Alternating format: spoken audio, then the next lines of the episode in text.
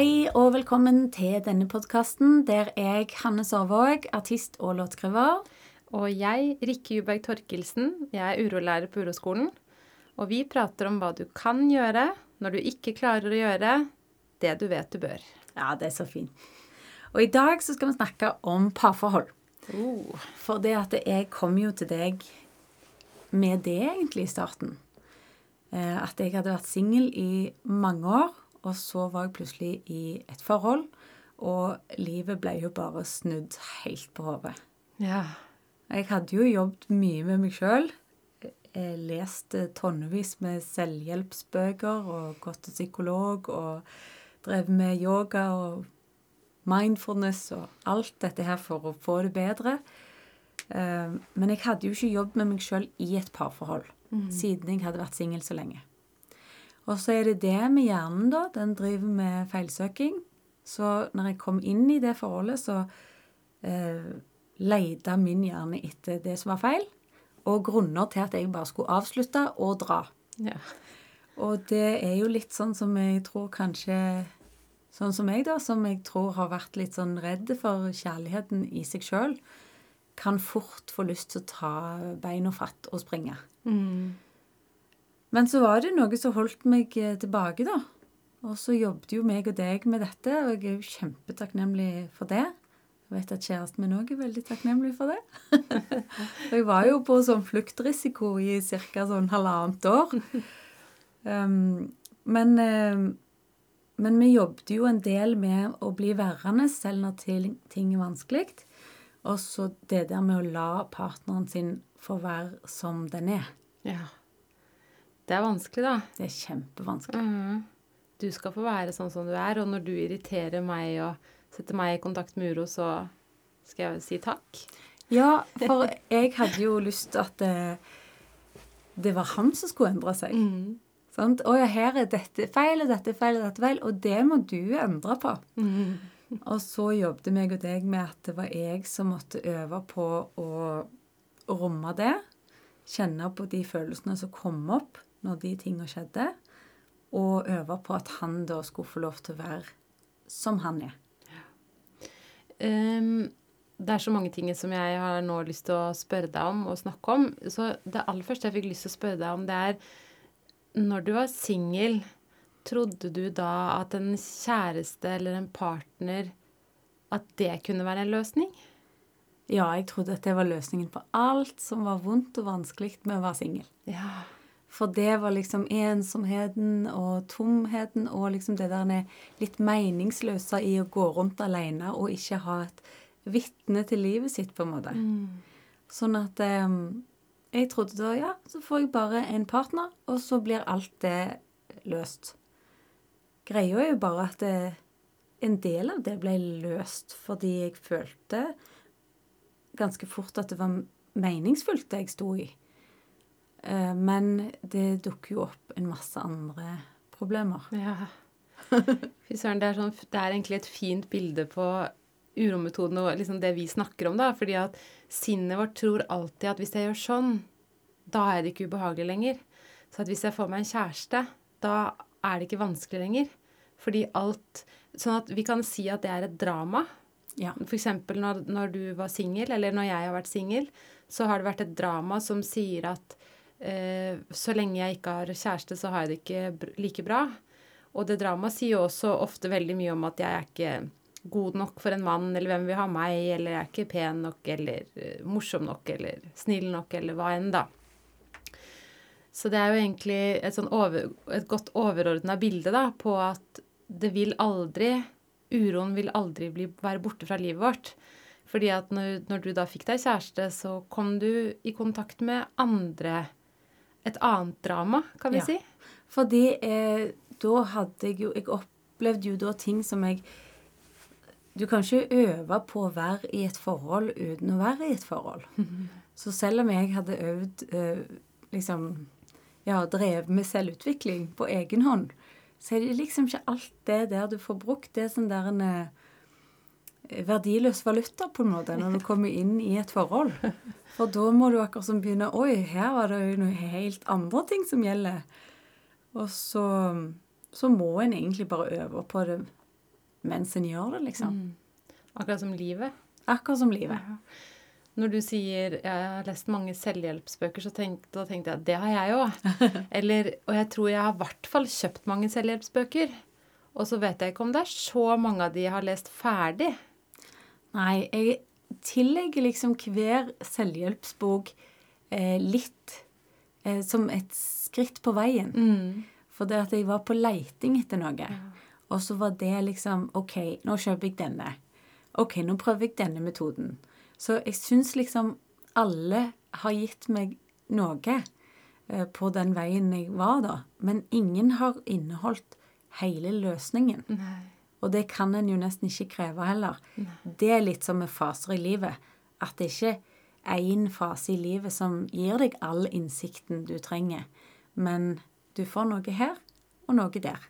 Noe privat, noe på jobb så er det egentlig fint når du sa at det var ingen av bøkene som inneholdt løsningen. Mm. Og så tenkte jeg ja, nettopp. For det finnes jo ingen løsning. Nei, for vi er på jakt etter løsningen, Ja. egentlig. Det òg er liksom hjernen, føler jeg, som er sånn Det må jo finnes en måte å løse dette på. Det må finnes et svar.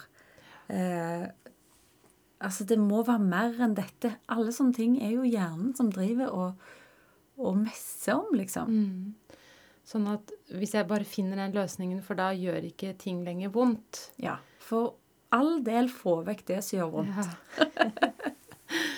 Og det er jo fortsatt sånn, da, at selv om vi lever med urometoden, så gjør jo fortsatt ting vondt. Mm. Det er bare at vi har et verktøy vi kan bruke som kan på, på et vis overstyre det.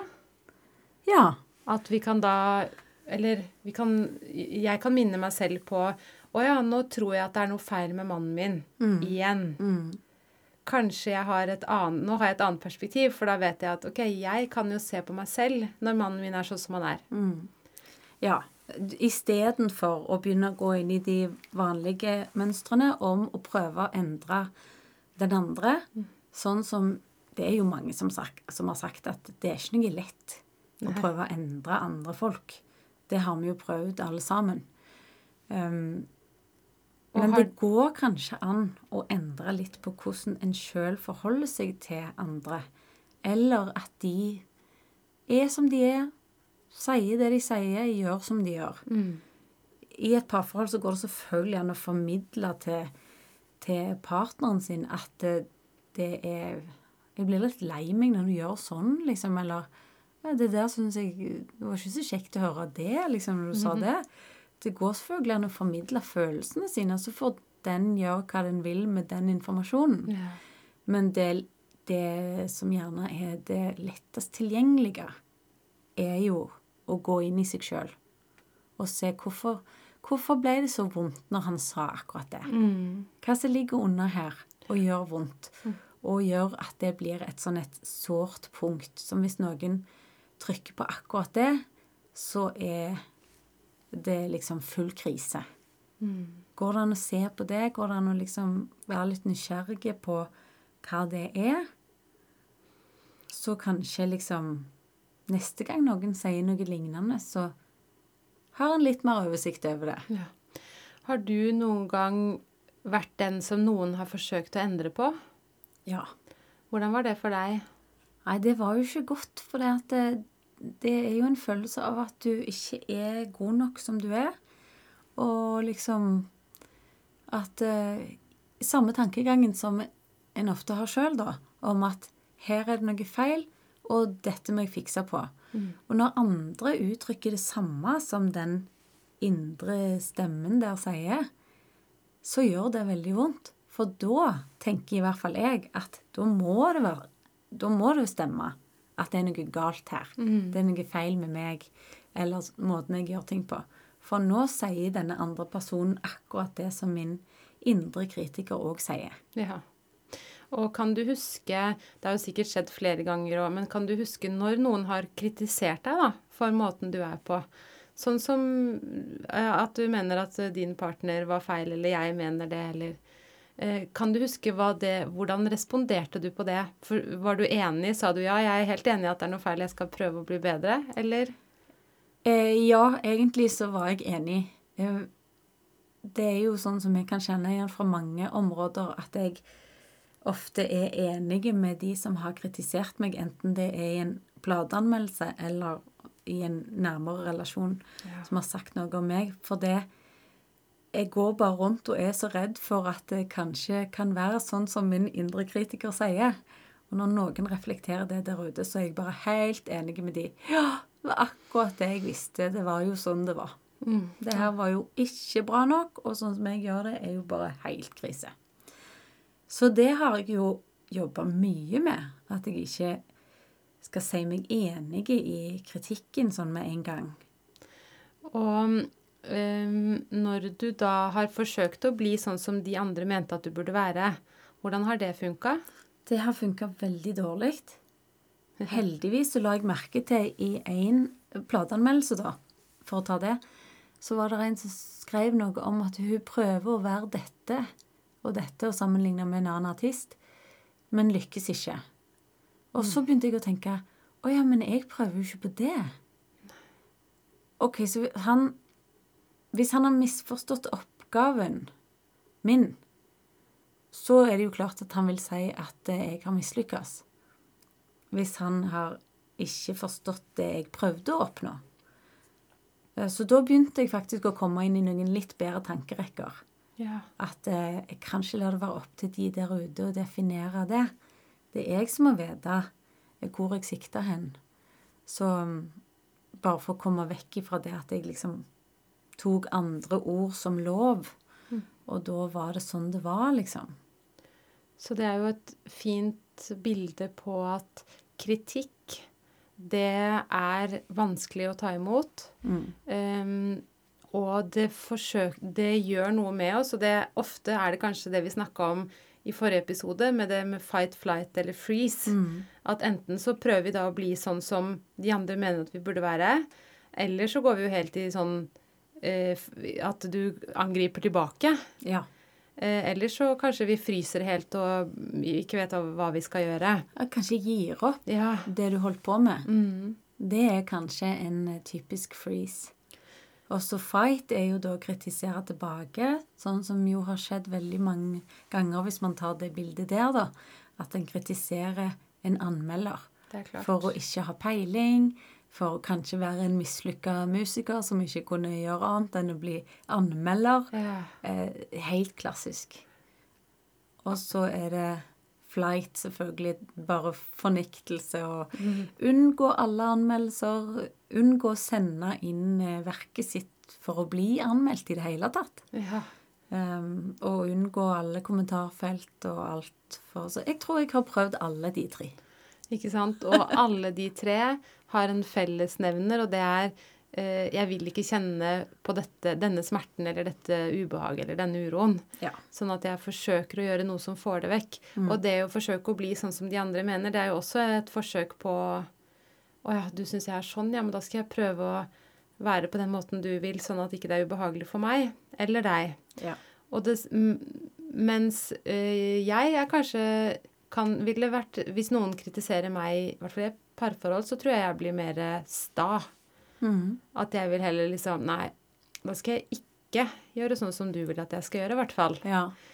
Så, men det er jo uansett eh, Det som vi da tar ut av det, er jo at når vi kritiserer partneren vår for å være som de er, så kommer de antageligvis til å komme i kontakt med noen av disse tingene. Mm. Sånn at eh, Og så er det jo egentlig sånn at hvem Vi har jo ingen rett Jeg har jo ingen rett til å mene at det er noe feil med mannen min. Nei. Fy søren, så frekt av meg, Ja. egentlig. Altså, det er liksom noen fine, fine menn her som har lyst til å tilbringe tiden med oss, liksom. Og så skal vi sitte og feilsøke. sant? Um, men jeg husker bare ei jeg kjenner som da prøvde å få mannen til å gjøre ting på en viss måte eh, når han var handla. Ja. For hun syntes det var så greit hvis han da pakte i posen i forhold til hvor det skulle inn i kjøleskapet eller fryseren. Og til og med hvilken hylle. sant? Og, så det, og det gjorde jo han aldri. og så sa jeg det til en annen kamerat. Så tenkte jeg liksom Han er jo en smart fyr, eh, liksom. Og da sa han andre kameraten Jeg er sikker på at han hadde klart å pakke på den måten hvis han ville. Men noe i han stritter imot. Nettopp. Og da Det er akkurat som en stille liten protest på at noen ikke aksepterer en som man er.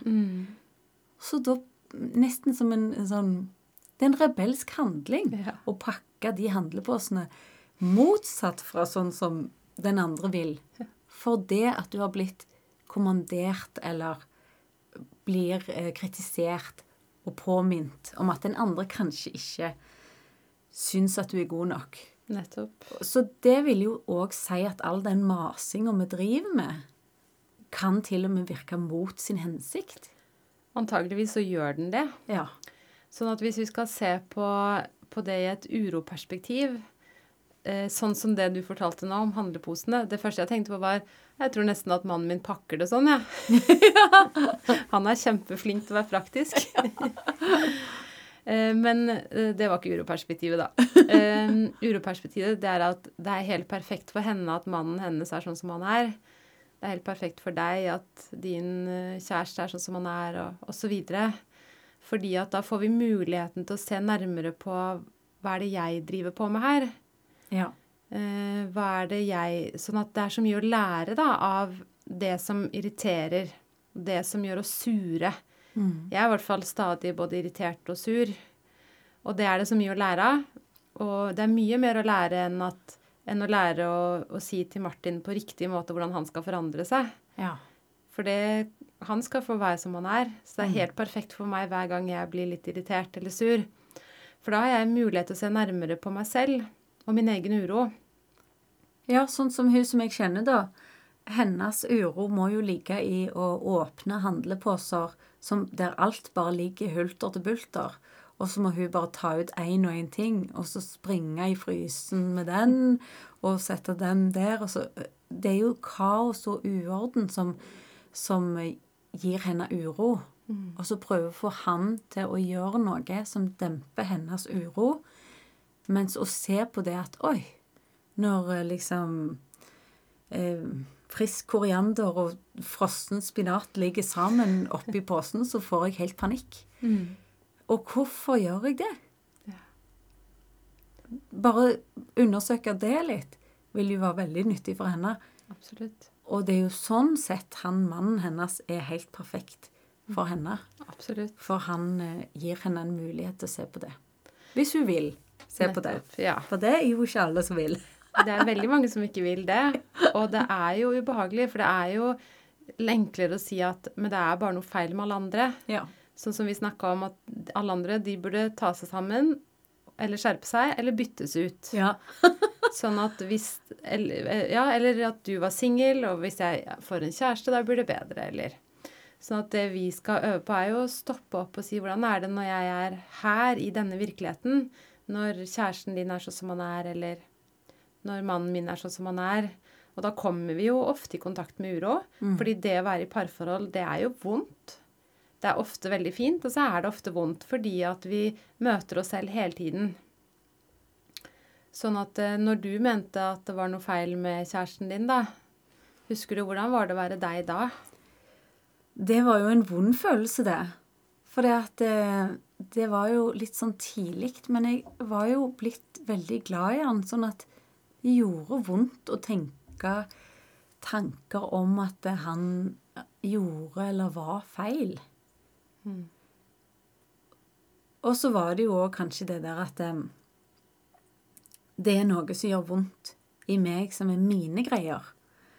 Og så ligger jo de under der og gjør vondt allikevel. Selv om eh, jeg prøvde å endre på han, så gjorde jo mine ting vondt for det. om de... For det er sånn som jeg har drevet med hele tida, er jo egentlig Jeg må jo bare få vekk dette som gjør vondt. Ja. Og prøve å gjøre masse ting for å få vekk det vonde. Og det vil òg si at alle andre må endre masse ting, sånn at ikke de kommer borti det som gjør vondt i meg. Nettopp. Så, men det var jo Det ble sånn dobbelt vondt, på en måte. For det, det føltes liksom ikke noe greit å se på han på den måten heller. Med sånn kritisk blikk og sånn feilsøkingsinnstilling. Uh, mm. Så det var egentlig en, en god ting for meg å øve på at han skulle få være som han er. Så det er jo ikke alltid jeg klarer det. Det er jo ofte jeg sier eller syns at han har gjort noe feil, eller liksom blir sur på han og Sant? Og, men så ser jeg jo at hver gang så er det jo en anledning for meg å se på mine greier. Og det som er da, For du sa jeg tenkte at han var eller gjorde feil. Og antageligvis så var jo ikke det en tanke, eller det var ikke tanker du var klar over. Det bare skjedde. Eh, at du levde livet ditt som at hvis han ville være annerledes, så ville det være behagelig for meg. For jeg tror ikke det er, det er jo ikke bevisste tanker vi har. For hadde vi vært bevisst på det, så hadde vi kanskje prøvd å gjøre noe med det. Ja. Um, men jeg syns jo jeg hører det så ofte, det der med um, at jeg syns partneren min er irriterende, og de burde gjøre sånn og burde ikke gjøre sånn, og um, Ikke sant? De rydder for mye eller rydder for lite, eller de gjør Alt er feil. Ja. Og jeg tror jo ikke at hvis man hadde forstått den tang at det egentlig er ren kritikk, ja. så hadde vi kanskje sett annerledes på det. Men det er, det er et drama som skapes fordi at jeg har det vondt inni meg. Og en måte å flytte oppmerksomheten på det som gjør vondt i meg, det er å mene at det er noe feil med Martin. ja.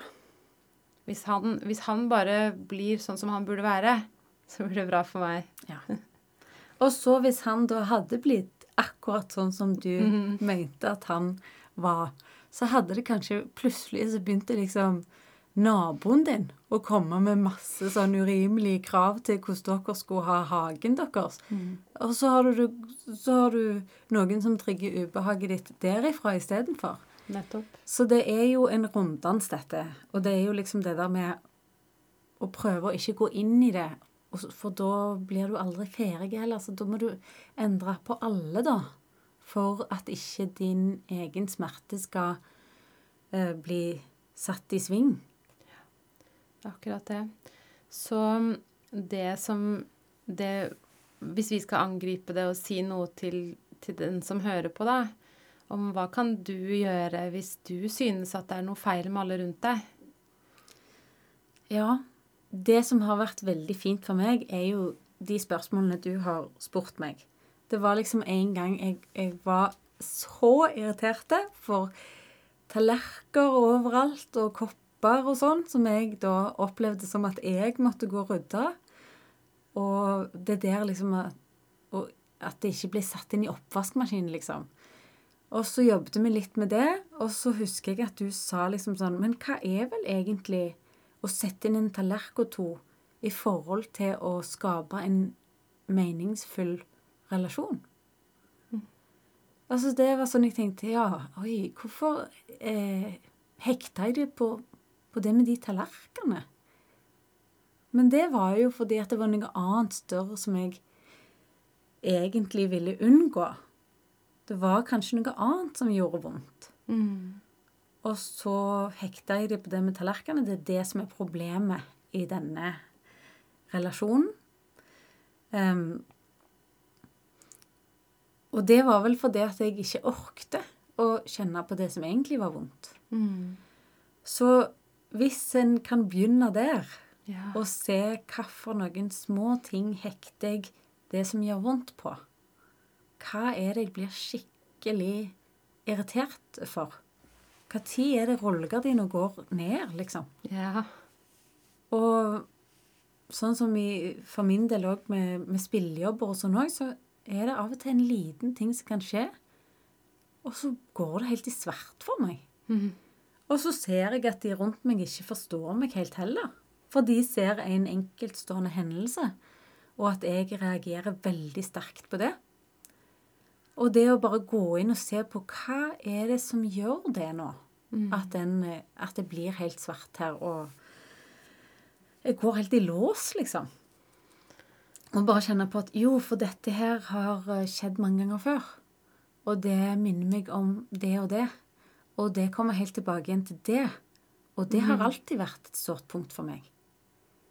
nøste litt opp i hvorfor sånne ting skjer, og hva det egentlig handler om. Mm. Prøve å komme til kjernen i det, da. Ja. Og det starter jo da med å kunne eh, observere seg sjøl litt. Absolutt. Ja, det er kanskje Før vi begynner å observere oss selv, så er vi jo egentlig helt hjelpeløse overfor alt det vi driver med. Da gjør vi bare masse sånne ting ut ifra liksom et eller annet sånn eh, fight or flight eller freeze, liksom. Og, men du har ganske mye mer em, verktøy hvis du ser mens det skjer, da. Ja, nå, nå ble det sånn, ja. Dette her har jo skjedd før. Mm. OK, nå gjør jeg sånn fordi dette her er en av mine vonde punkt. Og nå kom noe borti det. Og kanskje i første omgang så handler det om å se på noe som skjedde i går. For det jeg tror det er veldig vanskelig å komme på det når du står der foran oppvasken og er irritert på partneren din. Så, må, så sånn at eh, vi må begynne med å si OK, i går var jeg sur eller irritert, eller, eller jeg er det hele tiden.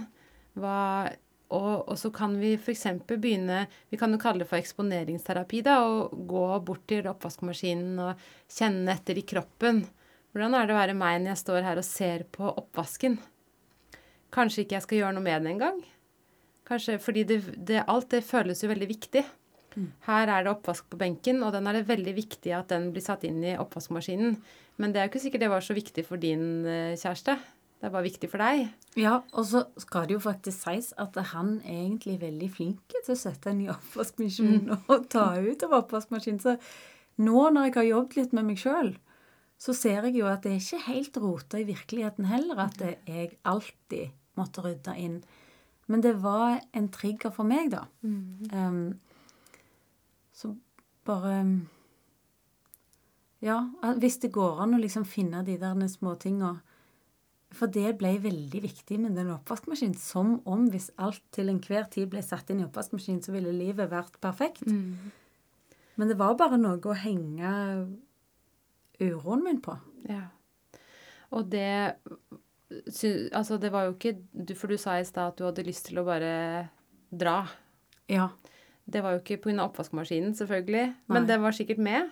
Ja, det var liksom sånn De gangene jeg kunne da oppleve noe som jeg følte var gjentakende, sant? og så kunne jeg tenke nei, det her gidder jeg bare ikke, liksom. Det ble ett mer argument til at jeg Ja, men det var det jeg visste, liksom, at dette her var ikke riktig. Og ja, nei, nå skal jeg dra, jeg, liksom.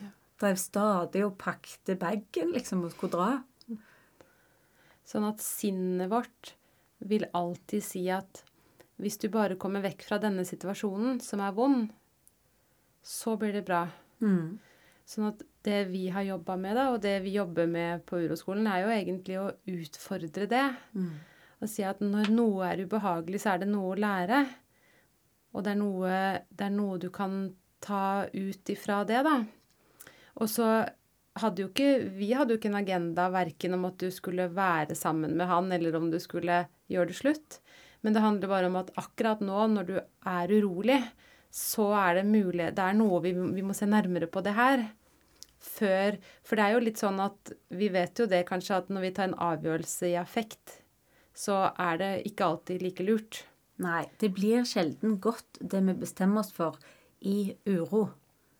Det er sjelden at det er helt eh, riktig for oss. Jeg kjøpte jo ei svær hytte en gang, jeg. I uro. For det var så bråkete i leiligheten min i Oslo. Ja. Og som sommeren så var det så varmt at alle hadde jo vinduene åpne. Og det betydde at jeg plutselig hadde 37 romkamerater som drev med forskjellige ting. Så jeg bare Og det var så varmt, og det var så bråkete. Og så Jeg reiser jo nærmest i affekt eh, hjem og eh, der som mor mi bor, i Skudeneshavn, og ser på Finn og kjøper ei hytte liksom eh, på impuls, nærmest. Og det har jeg tenkt på etterpå. Ja, nettopp. Det ble kjekt det så lenge jeg hadde den, altså, men jeg så jo at det, det var ikke helt riktig for meg å eie den alene. Og så har jeg tenkt etterpå jo, det er fordi at jeg haster av gårde og er illsinte på naboene mine. Og derfor bestemmer jeg meg for at jeg må iallfall ha ei hytte som jeg kan være i fred på. Veldig bra. Ja. det er jo akkurat det uroen driver oss til. Ja, den driver oss til å gjøre masse ting som ikke nødvendigvis er rette for oss. Mhm. Og tilbake til oppvasken, da. Eh, Ja. Det var jo en dag der jeg tenkte at nå skal jeg jobbe litt med meg sjøl. Nå står det litt oppvask igjen her. Og så tenkte jeg kan det være sånn at til og med jeg tør å sette igjen min oppvask her òg? Altså, jeg spiser frokost, og så lar jeg det bare stå. Ikke bort på benken engang, men igjen på kjøkkenbordet. Og så gikk jeg ut, og så gikk jeg tur med ei venninne. Så egentlig hadde jeg jo bare tenkt å la den stå der litt for å øve meg litt. Så mens jeg er på tur med venninna mi, så innser jeg at jeg har glemt den på kjøkkenbordet. Og da fikk jeg helt panikk. Jeg fikk helt panikk for at eh, da skulle kanskje liksom kjæresten min komme hjem og se at jeg hadde satt igjen en liksom er tallerken og glass på bordet. Jeg som har sagt så mye at det var så viktig for meg. Og så driver jeg Altså, han skulle da se at jeg var jo ikke perfekt, jeg heller. Da blir du avslørt. Da ble jeg avslørt, og da fikk jeg helt panikk. Jeg fikk lyst til å bare springe hjem for å rekke å komme hjem før han. Sånn at jeg kunne ta vekk min tallerken og glass. Sånn at han ikke kunne ta meg på det, iallfall. Utrolig bra. ja, det er skikkelig bra. Sånn at når, når du da gjør noe nytt det, det er kult fordi at ja, du var i kontakt med dine ressurser når du sto der og tenkte at nei, i dag prøver jeg å gjøre noe nytt, jeg setter igjen oppvasken. Og så tar det litt tid, og så er du rett tilbake i dine gamle greier.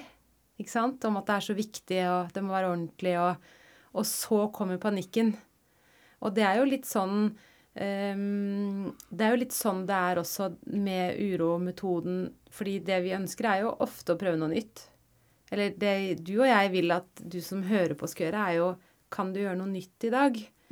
Eh, Istedenfor å Istedenfor å kjefte på mannen din, kanskje du kan fortelle han hvordan du har det, eller, eller kona di, eller barnet ditt, eller vennen din, eller eh, Og det som skjer, gjerne etter vi har gjort noe nytt, det er at vi blir angrepet av den indre kritikeren vår.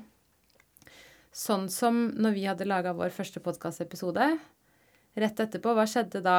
Da begynte jeg å tenke at oi, eller da ble jeg litt sånn angrepet. Nå har jeg sagt for mye mm, eller vi har ikke prata Ikke sant? Da, da hadde vi kritikk.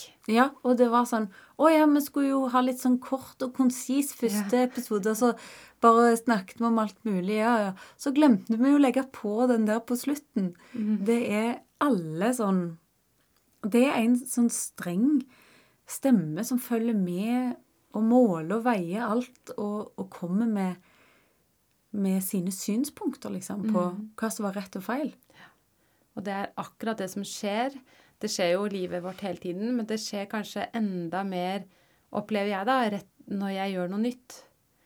Eh, Så blir den enda sterkere, fordi at den indre kritikeren mener jo at det lureste for meg er bare å holde meg eh, bak gjerdet mitt.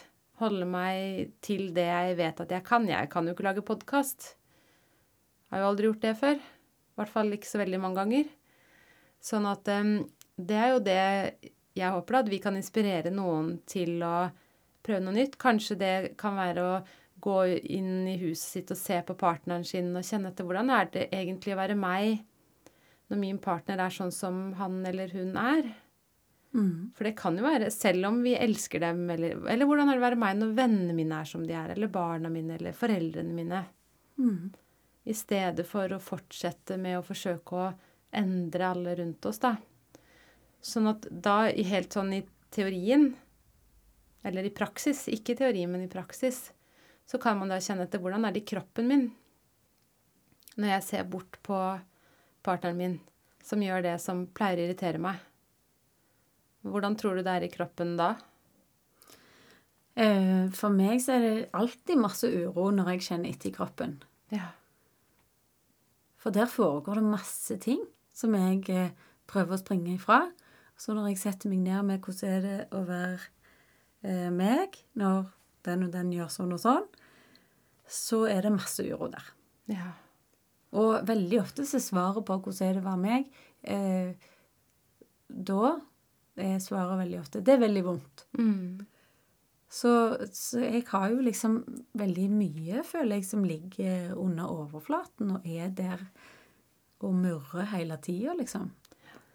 Sånn at hvis du kjenner etter akkurat nå, Ja. kjenner du det du Kjenner du det nå i kroppen din?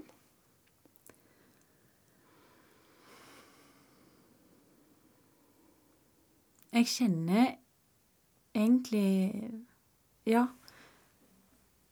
Jeg kjenner en sånn, sånn knute på en måte i brystet. Ja.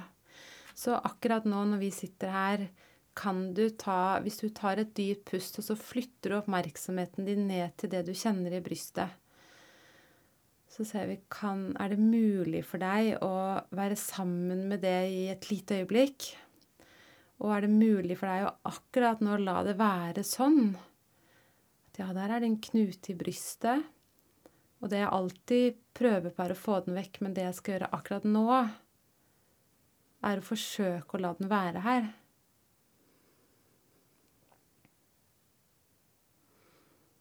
Akkurat nå kan den få være her sammen med oss. Ja.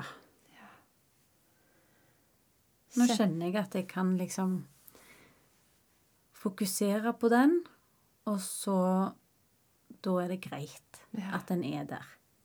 Så fint. Mm.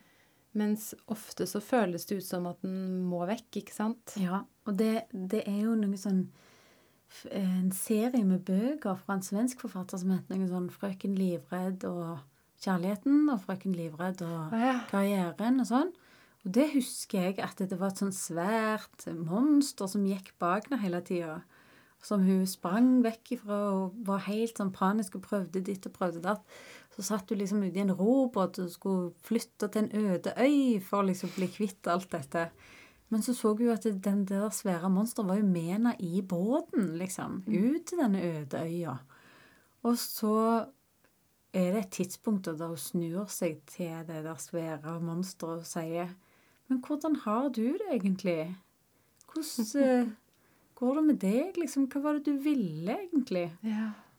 Og så blir det monsteret helt sånn da Hva var det jeg ville, bare at du skulle liksom huske på dette, og jeg ville bare minne deg på det, og så ville jeg ikke at du skulle få det dumt eller vanskelig. Og det husker jeg bare tenkte, ja, den der må alltid prøve å flykte fra. Hva skjer hvis vi bare eh, kjenner på det og lytter til eh, hva det er? Mm. Blir den sterkere da, eller kan det hende at den blir litt mildere og litt lettere å leve med? Det er akkurat det. For det føles jo som den kommer til å bli sterkere, og den kommer til å kjøre oss ned. Ja. Sånn at det, det å våge å være sammen med den, det i seg selv er jo Det er modig å våge det. Og så er tanken på det er ganske skremmende. Mm. For det virker så intens. Um, vi har jo snakka snart i 40 minutter. Ja, må ha det. Og så fikk jeg, hadde jeg lyst til å avslutte med en liten tekst. Ja, så fint. Fordi jeg tror at vi må snakke mer enn parforhold. Ja, vi må nok det. Vi har jo bare begynt å skrape på veggen, ikke sant? Ja, vi er ikke, vi er ikke ferdig med parforhold på 1, 2, 3. Nei. Heldigvis. Heldigvis. Sånn at um, jeg tror det her oppsummerer det vi har snakka om i dag. Det er mange som har gjort opp med seg selv at skal jeg noensinne få det godt, så må den ene halvparten av menneskene rundt meg skjerpe seg, og den andre halvparten må byttes ut. Og det er klart at det hadde vært det enkleste. Vi har i det hele tatt en sterk tro på at en forandring rundt oss vil skape en forbedring inni oss. Derfor er det mange som i store deler av sitt voksne liv går rundt med en ulmende beslutning inni seg om å forlate sitt ekteskap og om å finne seg en annen jobb. For, som de sier til seg selv, alt må være bedre enn dette. Jeg tror det finnes samliv som bør avsluttes, og jeg synes for så vidt at kongen kanskje skulle slutte å dele ut medaljer til folk som aldri torde å skifte jobb. Men vi har et ordtak som sier at nissen følger med på lasset. Og det var jo litt som frøken livredd. Ja, Det var med på lasset. ja. Det er helt sant. Så da er det gjerne det beste vi kan gjøre, er å prøve å gjøre oss til venns med den, og leve med det, rett og slett. Ja. Jeg kom på en siste, en siste ting, da. En aller siste ting. Um, om å synes at andre burde gjøre ting på en annen måte. Og det er at jeg tar meg selv i når vi skal lage middag, Martin og jeg, så står han og ser på at potetene skal koke. Og da sier stemmen i hodet mitt at du, han kan jo dekke på bordet. Fordi det er jo mye mer effektivt. Ja. Så til og med da er det ubehagelig for meg at han er sånn som han er, når han venter på at potetene skal koke. ja, jeg kjenner òg det. Akkurat sånn gjør jeg òg. Når meg og Thomas, som kjæresten min heter, lager middag, så står jeg og ser på hva han kunne ha gjort annerledes. Så vi kan fortsette å øve på å romme vår egen uro, og Ja. la de være akkurat sånn som de er. Ja. Og det kan du som hører på også begynne å teste ut i ditt liv. Det er en fin oppgave. Veldig fint. Tusen takk for i dag. Takk for i dag. Ha det. Ha det.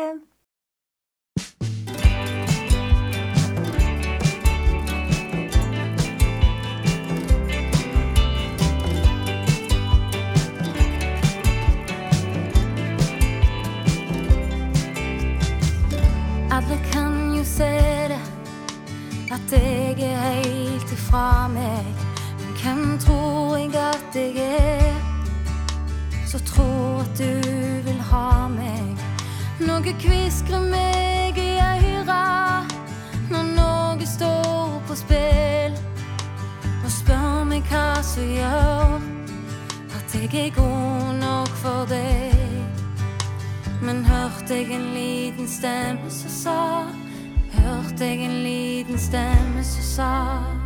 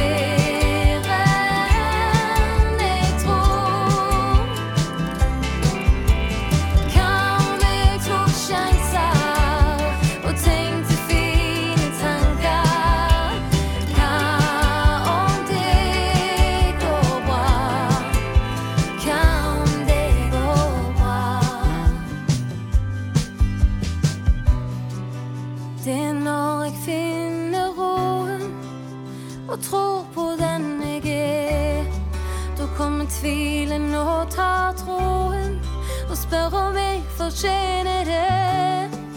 Tvilen pirker i det skjøre, og der det gjør mest vondt. Alt som er tungt å bygge opp, men så lett å rive sånn.